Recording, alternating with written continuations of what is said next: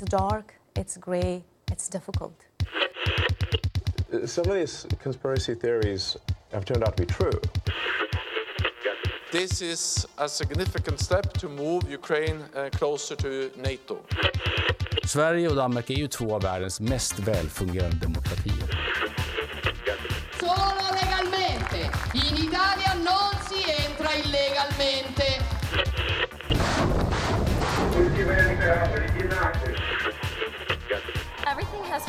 Place. I feel really good about where I am right now. Fredrickson of Denmark and uh, the Min- the Ministry of Koma, daughter of Ireland. Do you guys ever think about dying?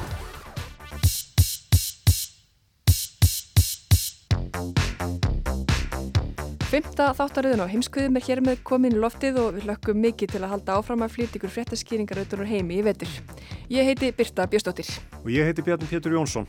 Við Birta og aðrir góðkunningjar þáttarins verðum hér með ykkur á lögadöfum í vetur eftir hátegisfréttir og sjálfsögðu á öllum hlaðarfréttum. Og eins og glöggir hlustendur tóku líklega eftir í upphafi þáttar þá skiptum við út upphafsröttunum eins og við höfum reyndar gert í upphafi hverja þáttarðar. Og þannig kennir Ímessa Grasabjarni. Já, og byrja kannski ekki á svona gleðilegustu nótunum. Fyrst heyrum við í Adelu Ras fyrir um sendiðara Afganistan í Bandaríkjunum sem var til viðdals hjá Al Jazeera fyrir á þessu ári. Og hvaða vesöld ætlið að sé sem hún lýsið svona? Það er staða kvenna í Afganistan, hún að tveimur árum eftir að talibanar náðu þar aftur völdum og sauma daglega að frelsi kvenna í landinu. Næstur er svo góðkunningi þáttarins, maður sem hefur verið til umfyllunar hér og reyndar mun viðar, Elon Musk, eigandi Twitter eða X, hönnuður Teslunar og margt fleira. Ég viðtali við CNBC í mæ síðastlinu var hann spurður út í tístinn sín sem mörgum þykja að gefa samsæðiskenninga smiðumundi fótinn. Hann segir að sumar af þessum samsæðiskenningum hafi reynst réttar. Well, yes, but I mean, honestly, you know, some of these conspiracy theories uh, have turned out to be true. Og svo er næstur Jens Stoltenberg sem verðist að hafa gert sig bísna ómissandi að stýra allarsafsbandaleginu. Þannig heyru við í honum á bladamannafundi fyrir sumarum sífælt betra samband NATO og Úkrænu og framtíðar horfur. This is a significant step to move Ukraine uh, closer to NATO.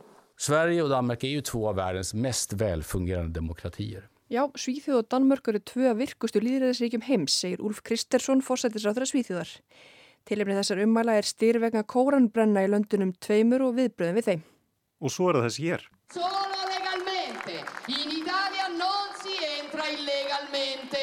Þetta er Giorgia Meloni, fórsættisráð þeirra Ítalju.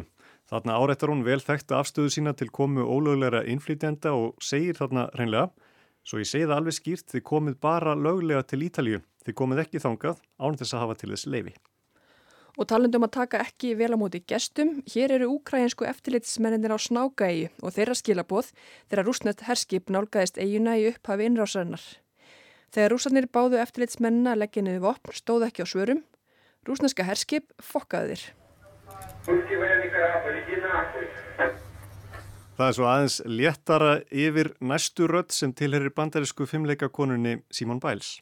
Everything has fallen into place. I feel really good about where I am right now, mentally and physically. Biles tók sér hlið frá keppni um tíma til að sinna andleiri heilsu og hefur talað opinskátt um baráttu sína á því sviði. En núna er hún komin aftur og hefur sjaldan liðið betur og talandum heilsufarið, mörg hafa haft áhyggjur af heilsu hins fullortna bandaríkja fósetta Joe Biden. Hér er hann á bladamannafundi eftir að við hitt fósettisráð þeirra Norðurlandana en ekki Írlands. Fredrickson of Denmark and uh, the Min- the Ministry of Koma, daughter Og svo er það blessunin hún Barbie. Myndin sem dró ótal mörg í bíó í sumar en var bönnuð á öðrum stöðum. Og þá er það upptalið en við ætlum nú að bjóða upp á eitthvað fleira í þættinum í dag, það ekki? Jú, heldur betur. Sko einu ókostunum við að þátturinn fari í sumarfrí er að heimurinn heldur áfram að snúast og það gerist ímislegt sem við myndum gjarnan vilja fjallum hér. Graf upp baksögurnar og skýra máli nánar. Það verður kannski smá þema í þessum fyrsta þætti vetrarins, fréttaskýringar tengdar tveimur stórum viðbörðum sumasins sem tengjast kvikmyndum og íþróttum. Já, í síðar hluta þáttarins ætlar þú byrta að fjalla um nýjafstæði heimsmeistaramóti í fótbolta en aldrei hafa fleiri hort á leiki á heimsmeistaramóti kvenna í knasputnu og mótinu sem nýveri lauki í Ástralíu og Nýjasjálandi. Þessi aukni áhugi á kvennafótboltanum er ekki síst að þakka baráttu þeirra sem standa inni á vellinum og verður ekki á margar hallað þó því sé haldið fram að eina af þeim sem eigi þar stóran þátt sé bandaríska knaspunukonan Megan Rapinoe. Hún verður til umfjöllunar síðar í þættinum en Rapinoe á nú að baki sitt síðasta stórmót. Þrátt fyrir það skilur hún eftir sig fótspóravellinum sem að seint verða afmáð. En við ætlum að byrja í bíó. Bíó aðsók fór fram úr björtustu vonum í sumar þegar fólk víða um heim flyktist í kvikmyndahús til að sjá bæði Barbie sem við heyrðum í áðan og svo myndina um æfi og uppfinningar Oppenheimers, föður kjarnarkuspringunar. Myndin hverfist um eðlisfræðingin Robert Oppenheimer sem fór fyrir Manhattan verkefni bandarækjastjórnar sem tug þúsundir vísindamanna og annara unnu að mánuðum saman. Myndin verður ekki spilt þó að hér sé sagt að ætlunarverkið tókst. Kjarnorku sprengjan leit dagsins ljós og við erum ekki að skemma fyrir neinum þó rakin síðast á hryllingur sem beigð íbúa Hiroshima og Nagasaki skömmu síðar. Já og það er vegna þess að það er alls ekkit rakið í myndinni. Sennilega er það ástæðan fyrir því að stórmyndin Oppenheimer hefur ekki enn verið frumsýnd í Japan og verður það mögulega aldrei. Japan eru margir óanaði með hver lítið myndin fjallar um þar hörmungar sem bandarækjumenn ollu með kjarnorkuvopnum sínum. Það fór líka fyrir brjóstið á þeim þegar Oppenheimer var auglýst samhliða Barbie og þá var miklum gáska og húmur. Frásagnir eftirlifinda frá Hiroshima og Nagasaki, þeirra einu sem þekkja áhrif kjarnavopna á eigin skinni, eru enda ekkert til að hlæja að, eins og við heyrum í þessari umfjöllun Odds Þórðarssonar. Ég var heima þegar sprengjan sprang. Hús allt í kring stóði í ljósum lofum. 17 ára varði ég fornalamb atomsprengin. Ég man að ég sá lík konu sem lagt hafi verið á stráma. Einu atviki glemi aldrei. Það var þegar við bræðurnir hugumst brenna líkið af... Kjarnorsku sprengjan tók ekki aðeins líf, heldur breytti þeim líka og gerði það helviti. Hibakusha eru þeir kallaðir í Japan sem livðu af kjarnorku sprengjurnar á Hiroshima og Nagasaki 7. og 9. ágúst 1945. Hibakusha, sá sem livði af sprengjuna upp á japansku, eru skilgreindir sérstaklega í japansku réttarkerfi. Að vera Hibakusha er þannig viðurkenning stjórnvalda á að viðkomandi hafi líðið sérstaklega miklar og ömurlegar kvalir vegna kjarnorkuárásan á Hiroshima og Nagasaki og þurfið því á stuðningi að halda, fjárhagslegum og heilsufarslegum. Um 650.000 manns hafa verið skilgreindir sem Hibakusha frá árunnu 1945. Um 112.000 þeirra eru enn á lífi. Þetta fólk hefur þegið bætur frá japanska ríkinu áratögum saman og ríkið stendur ströym af hilbriðiskostnaði þeirra. Hibakusha er síðan þekkt fyrirbæri í japanskri menningu. Um þennan hóp fólks hefur ógrinni bóka verið skrifaður, tónlist samin og kvikmyndir búnar til. Einna þekktust er ánefa Rhapsody in August í leikstjórn Akira Kurosawa um konu sem livði af sprenginguna í Nagasaki og fær barnabörn sín í heimsókn yfir eitt sumar. Ameríski stórleikarin Richard Gere leikur sýstursson konunar. うちにいたからよあそこは爆心地から8キロも離れた山の陰だからでもあの頭は原爆にやられたんだって言ってたよ Engan skal undra að hafi ótal sögur verið sagðar af Hibakusha í gegnum tíðina. Sögur þeirra eru enda áhrifaríkar. Kanso Isawa frá Hiroshima var 16 ára þegar líf hennar breyttist til frambúðar. Ég var heima þegar sprengjan sprakk um 1200 metra frá sprengjummiðjunni. Skömmu eftir að ég heyrði surkið í orustu þótunni kastaði höggbylgjan mér í jörðina. Það skall á óurlegt myrkur. Ég sá ekki handa minna skil.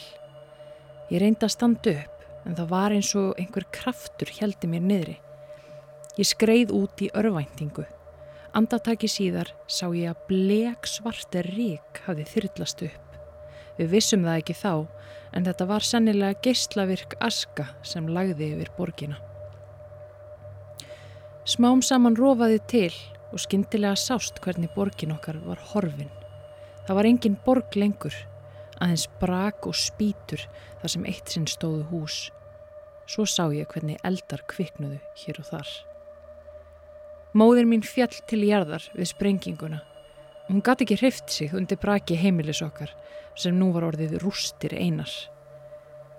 Ég reynda hjálp henni, en hvað gæt táningur eins og ég eiginlega gert?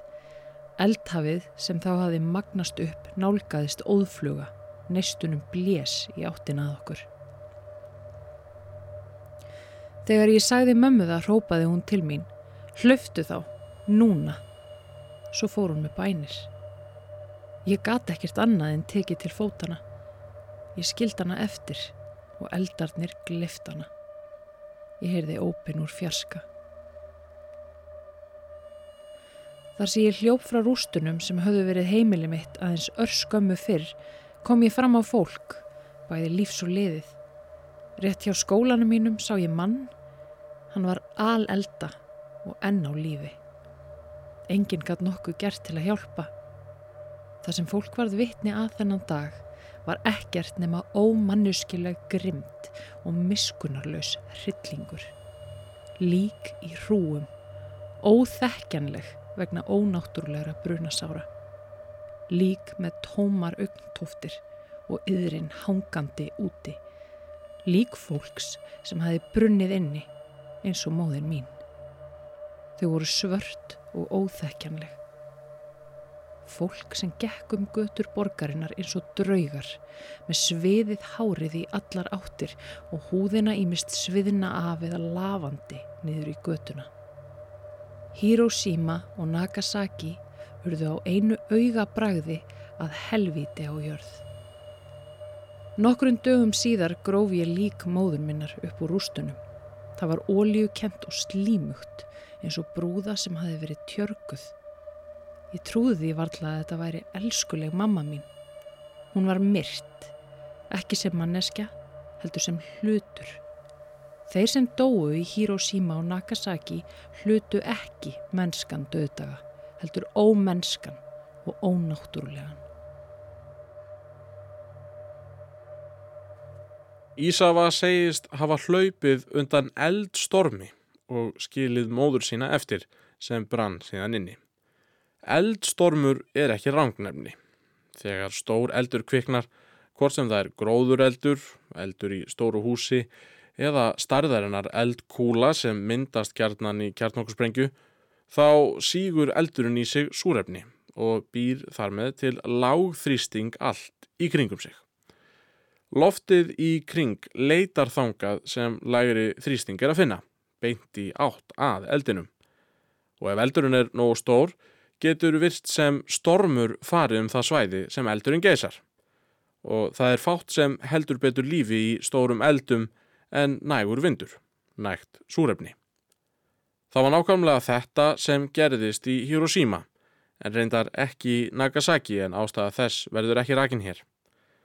En eftirlifendur frá Hiroshima muna vel flestir eftir því hvernig eldar kviknuðu smám saman um borgina og urðu síðan að stóru eldhafi sem sogaði til sín allt loft og súrefni.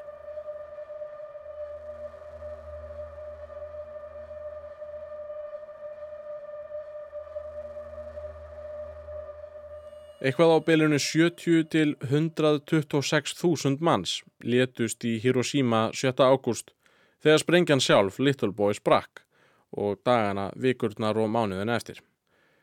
Hiroshima hafði sloppið nær alveg við loftárásir bandarækjamanna í Japan sem gerðar voru frá miðju ári 1944 og þar til kjarnorkuvopnum var beitt. Þær árásir hafa fallið mörgum í glemskunar dá á sama tíma og hvert mannsbarn þekkir til kjarnorku árásin á Hiroshima og Nagasaki. Bandarækjaman drápu 100.000 Japana frá miðju ári 1944, jafnvel alltaf miljón og um allt land. Sprengju árásöðunar á Tókíu voru ánefa verstar og sumir telja að mannfall þar hafi jafnvel verið meira enn í Hiroshima og Nagasaki til samans. Eðileggingar máttur kjarnorkusprengjana tvekja, Little Boy og Fatman verðist þó hafa haft meiri áhrif á Japana en hinnar loftárásöðunar. Hirohito og Japans keisari gafst ekki upp fyrir en kjarnavopnum hafi verið beitt. 15. ágúst 1945, sex dögum eftir árásin á Nagasaki, Ávarpaði keisarin þegna sín á sæðu óvinnin hafa í fyrsta sinn notað grimmilega sprengi.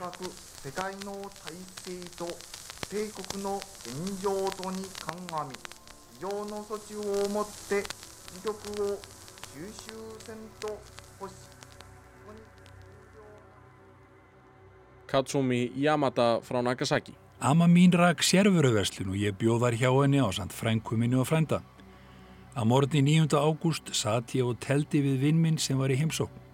Kenstustutinnar okkar höfðu allar fallið niður þennan morgun, hefnir hugsuðum við. Síðan sinnaðist okkur yfir skákinni og vinum minn fór niður að á og stakk sér til sunds. Ég tók til við að bera út blöð eins og ég átti að vera búin að gera um morgunin og reyndi að dreifa huganum. Á leðinni heim tók ég eftir að fólk stóði í napp rétti á vestlun ömmu minnar og mændi upp í heiminin. Rakkasan, rakkasan, sagðu þau. Fallíf, fallíf. Ég leit upp en sá ekkert. Ég gekk áfram og er ég stegi í skugga af húsi þar við hliðina varð allt hvít. Ég heyrði enga sprengingu og fann ekkert högg aðeins brennandi hýta. Svona líti þá að deyja, hugsaði ég með mér. Þegar ég opnaði augun sá ég aðeins fólki sem fyrir andarþakki stóð og horfið til heimins. Þau voru öll ítla brend, hús allt í kring stóði í ljósum logum Búfjenaðurinn hljóp ráðalös í ringi um túnin. Ég sneri heim skjálfingu lostin. Á leiðinni sá ég fleiri sem hafðu brunnið ílla. Sumir voru bláir og jæfnvel kvítir og voru fjarlað virtust þegar það var sloppið algjörlega. En þegar maður kom nær sá maður að húðin hafði öll flest að fyrir ofan mitti og hjekku mjadmiðnar nýður í götu. Verkamaður stöðlaðist frá hjá mér, önnur augtóftin var tóm Boya Kano Kataki Totte Kureo, sagðan, hemdu þessa hryllingsungi drengur. Ég fekk að vita það segna að vinu minn sem ég hafi verið að tefla við druknaði ánni. Það er hárfín lína millir lífs og dauða. Hefði ég mænt upp í heiminin andartaki lengur eins og hitt fólkið, hefði ég hlótið sömu örlug og það. Tsugayo Harada frá Hiroshima 17 ára varð ég fórnalamb atomsprengunar. Ég var í hjúgrunafræði námi á Sendamachi Hiroshima sjúkrahúsinu um 2 km frá sprengjumiðinni. Ég bjó í álmu Rauðakrossins. Á þessum tíma glimti ég við blóðkreppusíki og var ný útskrifið af þessu sama sjúkrahúsi. Álma mín hrundi til grunna þegar sprengjan sprakk og ég festist undir spýtna braki. Ég misti meðvutund. Ég veit ekki hversu mikil tími hafði liðið þegar ég heyrði herbyggisfélagi minn kalla nafnmitt. Chew I go, chew I go. Hún sagðist að það séð fótin á mér koma undan brakinu. Hún tókaði mig af miklu afli. Ég var allsett örum og næstum nakin. Það var eins og öllu í kringum okkur hefði verið rutt burt. Ég sá þó nokkra sem mist höfðu hendur og fætur. Augun í sömum hefðu skotust úr tóftunum og húð þeirra sviðnaði burt í hitanum. Ég heyrði grátur allt um kring. Eitt maður nær dauða en lífi stundi til mín og baðum vasklas. Ég gætt ekkert fyrir hann gert. Þúsundir barna eru meðal þeirra sem létust í Hiroshima og Nagasaki. Þúsundir annara mistu foreldri og jafnvel heilu stórfjölskyldunar. Þau urðu að lifa í áratugi með áhrifum kjarnokkursprengnana sum jafnvel enn þann dag í dag. Frásagnir barna og sögur af börnum í borgunum teimur eru oftar en ekki þær átakanlegustu. Ég man að ég sá lík konu sem lagt hafi verið á strámóttu. Hver hafði eiginlega orku og tíma til að leggja þessa móttu og konuna á hana, hugsaði ég með mér. Þá tók ég eftir að við hlið hennar lág lítill drengur, svipaður bróður mínum í aldri, um tveggjára gamal. Hann hafði sloppið án skrámu og þarna satan við hlið látinnar móður sinnar. Fimm eða sex smákökur lágu á disk fyrir framann hann. Hann grét ekki, starði bara saklausum augum á eigðilegginguna allt í kring. Ég veldi enn fyrir mér hvort hann hafi komist lífs af. Yoshiro Yamawaki frá Nagasaki Einu atviki gleymi aldrei. Það var þegar við bræðurnir hugumst brenna líkið af föður okkar.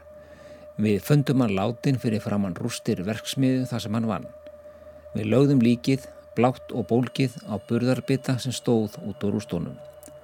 Síðan færðum við eldaði og fæturnir kiftust til þegar eldurinn læsti sig um það. Degi síðar hugðumst við sækja öskuna. Þegar við komum á staðin sáum við að líkið var aðeins brunnið að hluta. Únliðir, öklar og hluti lífara hafðu brunnið, restinn láð þarna og rótnaði. Mér varum megn að horfa á lík föðu míns. Við verðum að skilja hann eftir hérna, sagði ég ákveðin við bræður mína og þeir fjallust á það með semingi. Elsti bróði minn vildi að við tækjum hluta af haugkúpunni eins og síður var við útfærir ástvina hér í Japan. Þá er brot úr höfukúpunum tekið með prjónum eftir að þinn látni hefur verið brendur og látið ganga meðli ættingja. Ekki vildi betur til en svo að höfukúpan molnaði um leið og prjónarnir snertana og hálf rótin heilin lag út.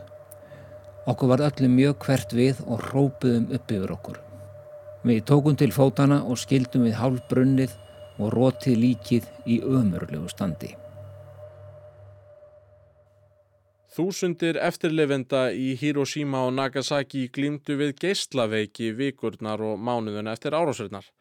Jafnan er talið að um 6.000 manns hafi dáið í Kvorri borg dagan eftir sprengingarnar úr veiki sem japanski læknar höfðu þá ekki hugmyndum að væri til. Hvað þá, hvernig mæti lækna? Bráð geyslaveiki, eins og varð vart í Hiroshima og Nagasaki og í Tjernobyl sömu leiðis, hefst yfirleitt með því að sjúklingur finnur til ókliði og listarleisis. Eftir fáeinar erfiðar vikur veriðist sjúklingnum oft batna skindilega en síðan slæður honum niður og einkennin versna um stund þar til honum annarkort batnar að fullu eða hann deyr. Hvítum blóðkornum fækkar svo mjög að ónæmiskerfið getur ekki barist gegn síkingum Í Hiroshima og Nagasaki gróf í brunasárum sem þögtu líkama þúsunda sjúklinga og þar sem skorti hvít blóðkort til að vinna bög á því fór fólki reyndað rótna á meðan það var en lifandi. Lifumæður af mikla geyslun glímumæður yfirleitt ævilant við afleiningarnar. Masao Motoi, japanskur herrmaður frá Hiroshima, lesu upp úr sjúkraskrásinni. 1954 lagðist fyrir í 20 mánuði vegna Berkla 1960 lagður inn af húðuleikni í um mánuð vegna mikils hármissis. Hormonatengt var mér sagt. Mæ 1973 aðger vegna skeifugarnarsás. Þrýr mánuður í endurhefingu. Þetta er allir þeir skráðu kvilla sem ég glindi við. Ofan á þetta mátt ég þóla mikla fátækt. Hayashi Yuriko frá Hiroshima Það var kraftaverki líkast að öll fjölskylda mín livði sprenginguna af en við þjáðumst öll af geyslun og greindustum síður öll með krabbamein. Kjarnorsku sprengjan tók ekki aðeins líf heldur breytti þeim líka og gerði að helviti. Hún eigðilegði sálir tuga þúsunda eftirlifenda sem áttu þóla vítis kvalir og eruð að lifa með hryllingnum fram til dagsins í dag. Sumir trúa því að kjarnorkuvapn viðhaldi heimsfriði. Þessu fólki svara ég. Mannkinnið getur ekki lifað með kjarnorkuvapnum kjarnorkuvopn eru hrein ílska. Þeir sem urðu fyrir sprengingunni sjálfri voru ekki þeir einu sem þjáðust. Börn eftirlefenda sem fætust löngu síðar þjáðust einnig, viktust og jafnvel dói. Saga Shisoku Mitamora frá Nagasaki er átakanleg. Ég fann loksins kjark til þess að segja sögu mína þegar dóttir mín Míva ljast. Míva dó í júni 2010 þá 39 ára. Hún þekkti aldrei hryllingsspringjunar nema í gegnum mig. Í janúar þetta sama ár var hún lögð inn en hún ringdi í mig. Dæt jóbú, dæt jóbú, sað hún við mig. Þetta verður allt í lagi. Í mass heyrði ég að hún hefði verið lögð inn og ég laði strax í ferðalega til að hitta hana og vera með henni en það var um seinan. Hún gat ekki lengur talað, vissi ekki að ég væri þarna. Hún misti hárið í livja meðferðinu og breyttist öll. Dótti mín, barnið mitt, varð óþekkinleg. Hún lest þrjamur mánuðum síðar. Af hverju fór ég ekki fyrra að hitta hana, hugsa ég á hverjum degi. Ég greindist sjálf með krabba minn í ristli þegar ég var 39 ára. Það var einmitt þá sem að móði mín gætt fyrst opna sig og sagt mér frá spengingunni. Sjálf var ég bara þryggjar og myndi ekki mikið. Rillilega sögurnar fengur mikið á mömmu. Blessunarlega losnaði ég við meinið en ég greindist síðan aftur þegar ég var 59 ára. Þá með krabba minn í leiði. Einn sistra minna greindist með ristilkrabba minn tvísvar Önnur grindist með krabba minn í endaþarmi og lest fyrir færtugt. Dætur þeirra begja voru allar á færtugsaldri þegar þær dói úr krabba minni og heila ægsli. Allar urðu þær fórnalum sprengjunar, bæði beint og óbeint. Vinkona dóttir minna sagði mér að Míwa hefði verið hrætt allt frá upphæfi að veikindi hennar tengdust sprengjungunni. Þess vegna vildi hún kannski ekki segja mig frá því þegar hún grindist. Ég vildi óska þess að ég hefði verið til staðar til að hugga hana til að sefa óttanar. Það er svo margt sem ég vildi við hann að segja.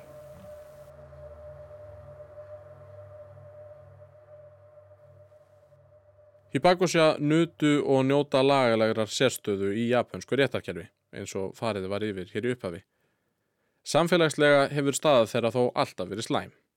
Þótt geislaveiki hafi aðeins hrjáð hluta þeirra sem lifðu af voru fordómar í garð allra eftirlefenda megnir í Japan áratugina eftir sprengingarnar. Einhverjir eftirlefendur segja þessa fordóma ríkja ennþanda í dag. Hibakusha, börn þeirra og barnabörn mæta hindrunum á vinnumarkaði og eru síður ráðin í störf þar sem líkur eru taldar á að þessi hópur veikist oftar en aðrir.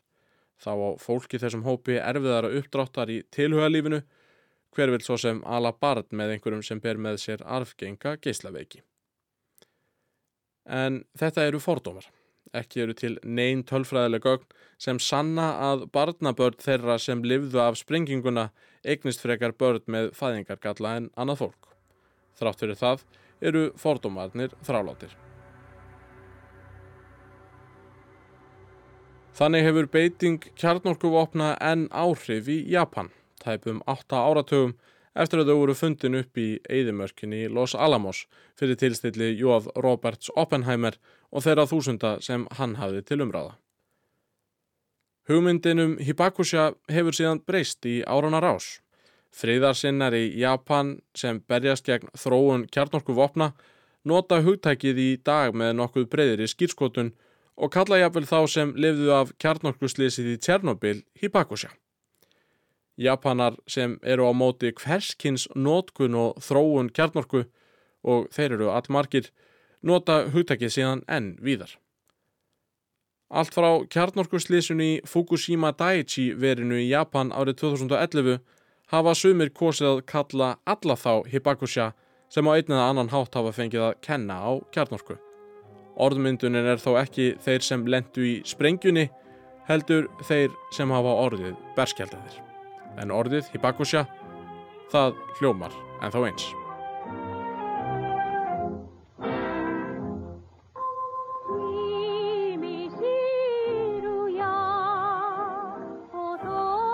Heimsmeistaramótið í knaspinu kláraðist síðastliðin sunnudag þegar spánverjar unnu englendinga. Þær spænsku tóku við keplinu af banderska liðinu sem vann mótið síðustu tvö skipti þar á undan. Þó banderska liðið hafi ekki riðið eins feitum hesti frá þessu heimsmeistaramóti var aðteklinn eðlimálsins sangvænt á þeim framan á móti. Bæði vegna gengis á síðustu tveimur heimsmeistaramótum en einnig vegna þess að þeirra skærasta stjarnar undan farin ár, Megan Rapinoe, bóðaði það fyrir mót að HM í ár yrði hennar síðasta. Birta kynnti sér afreg og arfleif Megan Rapinoe.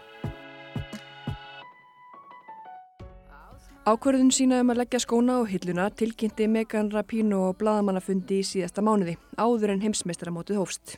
It's with a really deep sense of peace and gratitude and excitement that I want to share with you guys. This is going to be my last season. Uh, NWSL season. Friður, þakklæti og eftirvænting eru tilfinningarna sem koma upp þegar ég deiliði með ykkur að þetta verði mitt síðasta ára á vellinum. Síðasta heimismestaramóti mitt og síðasta árið í deildinni, saði Rapino og bætti við að hún hefði aldrei geta ímyndað sér hvað þessi fallega íþrótt myndi gefinni. Hún var í stolt af að hafa farið fyrir landsliði sínu í svo mörg ár. Það var það besta sem hún hefði gert. I could have just like never imagined where this beautiful game would have taken me. I feel so honored to be able to have represented this country and this federation for so many years. It's truly been the greatest thing that I've ever done. Megan Anna Rapino fættist 5. júli 1985 og er því tiltölu ný orðin 38 ára. Hún hefur meiri hluta ferilsins leikið með bandarískum liðum lengst af í Seattle en leik þó fyrir Lyon í Fraklandi á ornum 2013-14. Hún er eina af bestu fótboltakonum sögunar.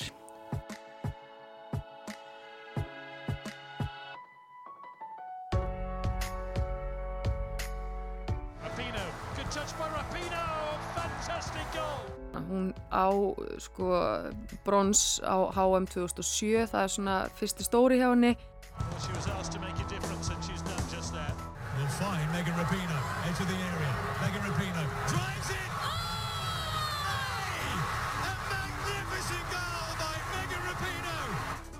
Svo er það silfur á HM 2011, gull á HM 2015 og gull 2019.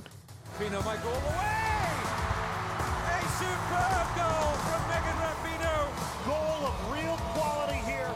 In her 100th appearance, press with the delivery. Rapinoe scores the goal.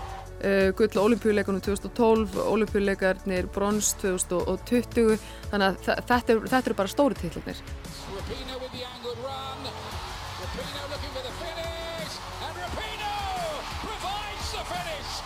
she can do no wrong Svo sem hérna stiklar á stóru á glæstum ferli Megan Rapino með fram öðrum lýsingum heitir Kristjana Arnarsdóttir og er íþjóttafréttamaður hér á Rúf Kristjana spilaði fótbolta lengi vel. Hver eru hennar fyrstu minningar um Rapino? Ég er í raun og verið tek eftir henni senkt, þanniglegað. Af því að ég er að fyrir kynnslóð eins og margar fótboltakonur í dag sem höfðu bara ekki aðgengi að leikjum lengi vel. Þannig ég gati raun og verið ekkert séð e, þessa bestu leikminn í heiminn nema bara á stórmótonum þegar að þeim kom. Þannig ég mann fyrst eftir Megan Rapino 2012 á olimpíuleikunum og það var raun og veru af því að hún uh, skoraði uh, það sem er kallað Olympico uh, mark, það er að segja hún skoraði beint úr hotspinnu og það var í fyrsta sinn sem að fókbólta konaða maður gerði það á, á olimpíuleikunum og hérna bakti mikla aðtegli og eftirtækt At Wembley Stadium in the gold medal match on Thursday. Into the near post. It oh! in! The corner has gone in Megan Rapinoe knows how to play Markið skoraði Rapino í fjögur þrjú sigurleik bandaríkjan gegn Kanada í undanúslitum á olimpíuleikunum í London 2012. Olympiko mark er eins og Kristjana segir mark sem skoraði er beint úr hortspinnu. Sögu nafngiftarinnar á þessari tegund marka má reykjanar 100 ára aftur í tíman. Argentínumadurinn Serase Onsari skoraði slíkt mark árið 1924 en það var reyndar ekki á olimpíuleikum. Markið skoraðan gegn liði Uruguay sem þá var olimpíumeistari í knatsbyrnu og þaðan er nafngiftin komin. Langsótt kannski en svona er það enguða síður. Og slíkt mark skoraði Rapino sem sagt á olimpíuleikunum 2012 og vakti aðtikli Kristjónu og fleiri.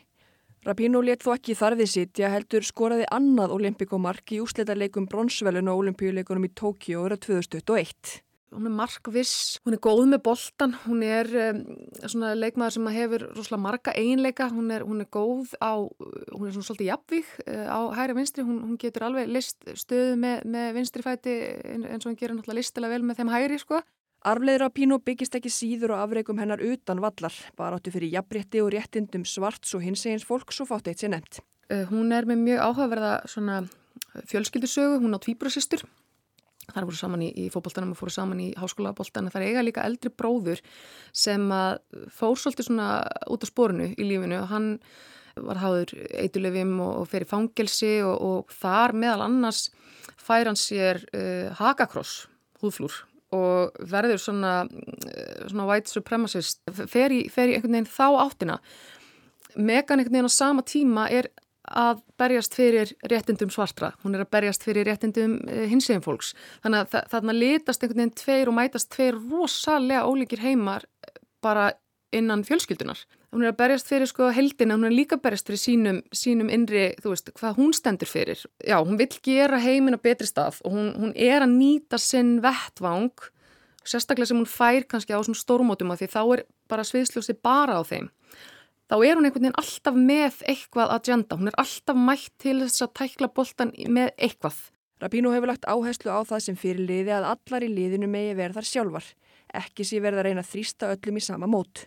Þannig að þegar hún er raun og veru er komin með fyrirleðabandið, að þá fáum við kannski að sjá aðeins um, svona fjölbreyttari uh, karaktera í liðinu. Við fáum að sjá, eins og hún segir bara sjálf í, í viðtölum og sagði 2019, við erum með fjólblátt hár og við erum með dreadlocks. We have pink hair and purple hair.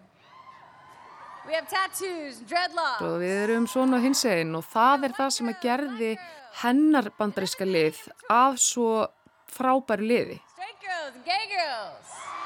Hey! Þannig að 2019 er eiginlega, það er árið hennar, bara frá A til Ö. Og það eru orðasönnu. Það ár var Rapino valinn besti leikmaður heimsmeistaramótsins og var þar sömuleiðis markaæst. Þá liti hún sigulið keppnar og fekk auk þess gullknöttin, frönsku verlunin sem veitt eru besta knatsbundu fólki heims ár hvert. Um, to use this beautiful game to actually change the world for better. En árið 2019 var líka tími umbróta í hvenna knatsbeitunni, segir Kristjana. HM 2019 er merkilegt fyrir margra hlutasakir. Þarna sprakkit almennilega út. Þarna fórum við að sjá uh, áhöröndatölur sem við hefum ekki séð áður. Þarna fórum við að sjá uh, sko, fulla velli sem við hefum heldur ekki séð áður. Og það hefur svo bara uh, bæst ennþá meira ofan á það. Við sjáum það núna á HM í sumar að þetta eru alltaf tölur en við hefum séð.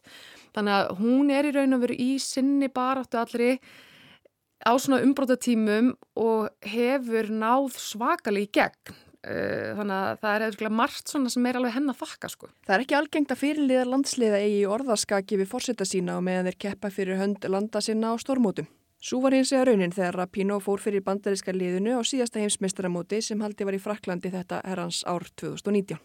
Það vakti heims aðtiklið þegar bandaríski ruðningsleikmaðurinn Colin Kaepernick kraup á knie í upphæfi leikjalið síns San Francisco 49ers.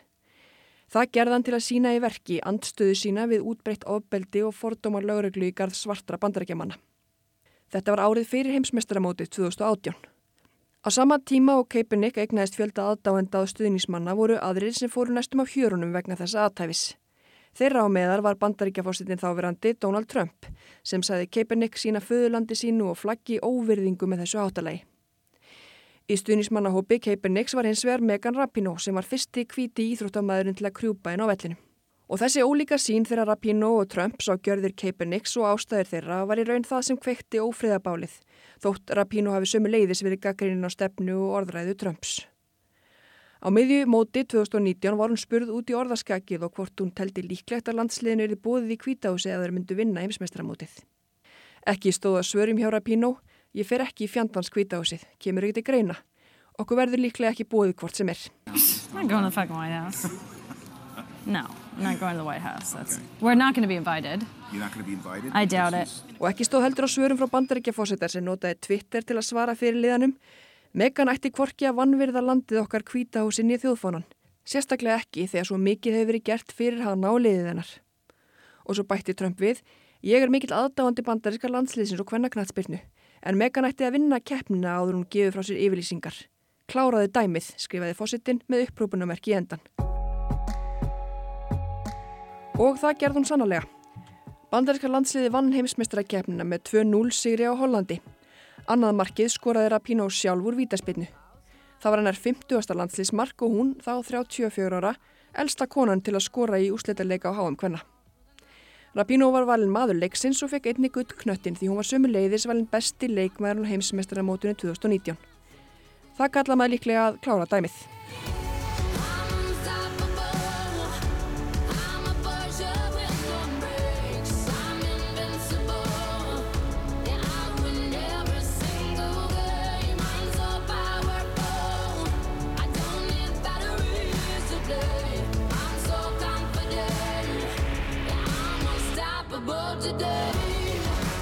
Bandaríska landslískonur í knatsbyrnu fá nú jafn mikið greitt fyrir vinnu sína og Karlkins landslísmenn.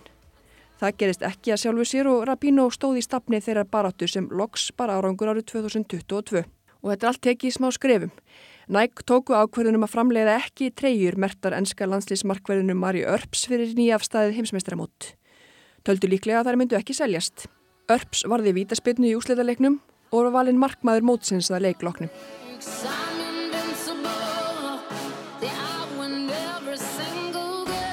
En þetta þokast þó. Aldrei hafa fleiri hort á heimsmestramót hvenna í fótbolta og á nýjafstöðinu móti.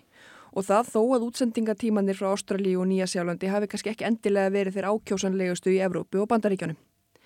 Kristjana segir þetta eigi ekki bara við um heimsmestramótið. Áhorf á hvennaleiki í meistaradildinni aukist til að mynda með viku hverri.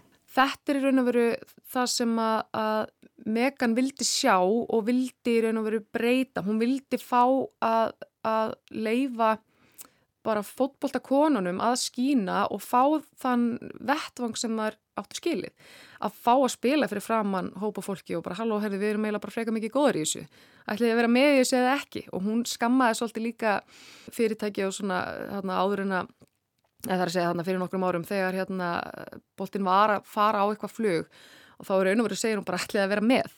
Þú veist, ef, ef þið eru stort fyrirtæki þá verður þið bara að vera með því við erum að fara á flug Mikill árangur hefur náðst eins og hér hefur verið rækið en Kristjana segir það dálítið ergilegt að Rapino og þær hinnar sem hafa staðið í stafni baróttunar fá ekki að njóta afrækstusins og að sístækkandi áhörvendahópurinn fá ekki að fylgjast með snilli Rapino og vellinum því takaskotin hennar eru nú að leið á heiluna.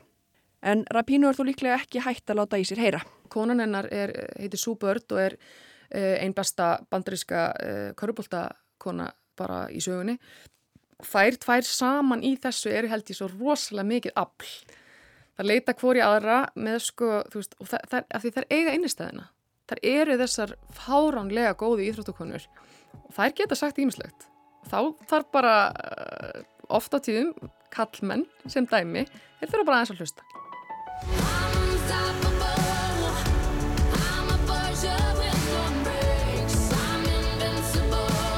Og þessum nótum líkur heimskviðum í dag.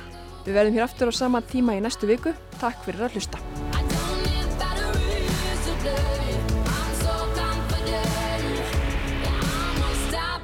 today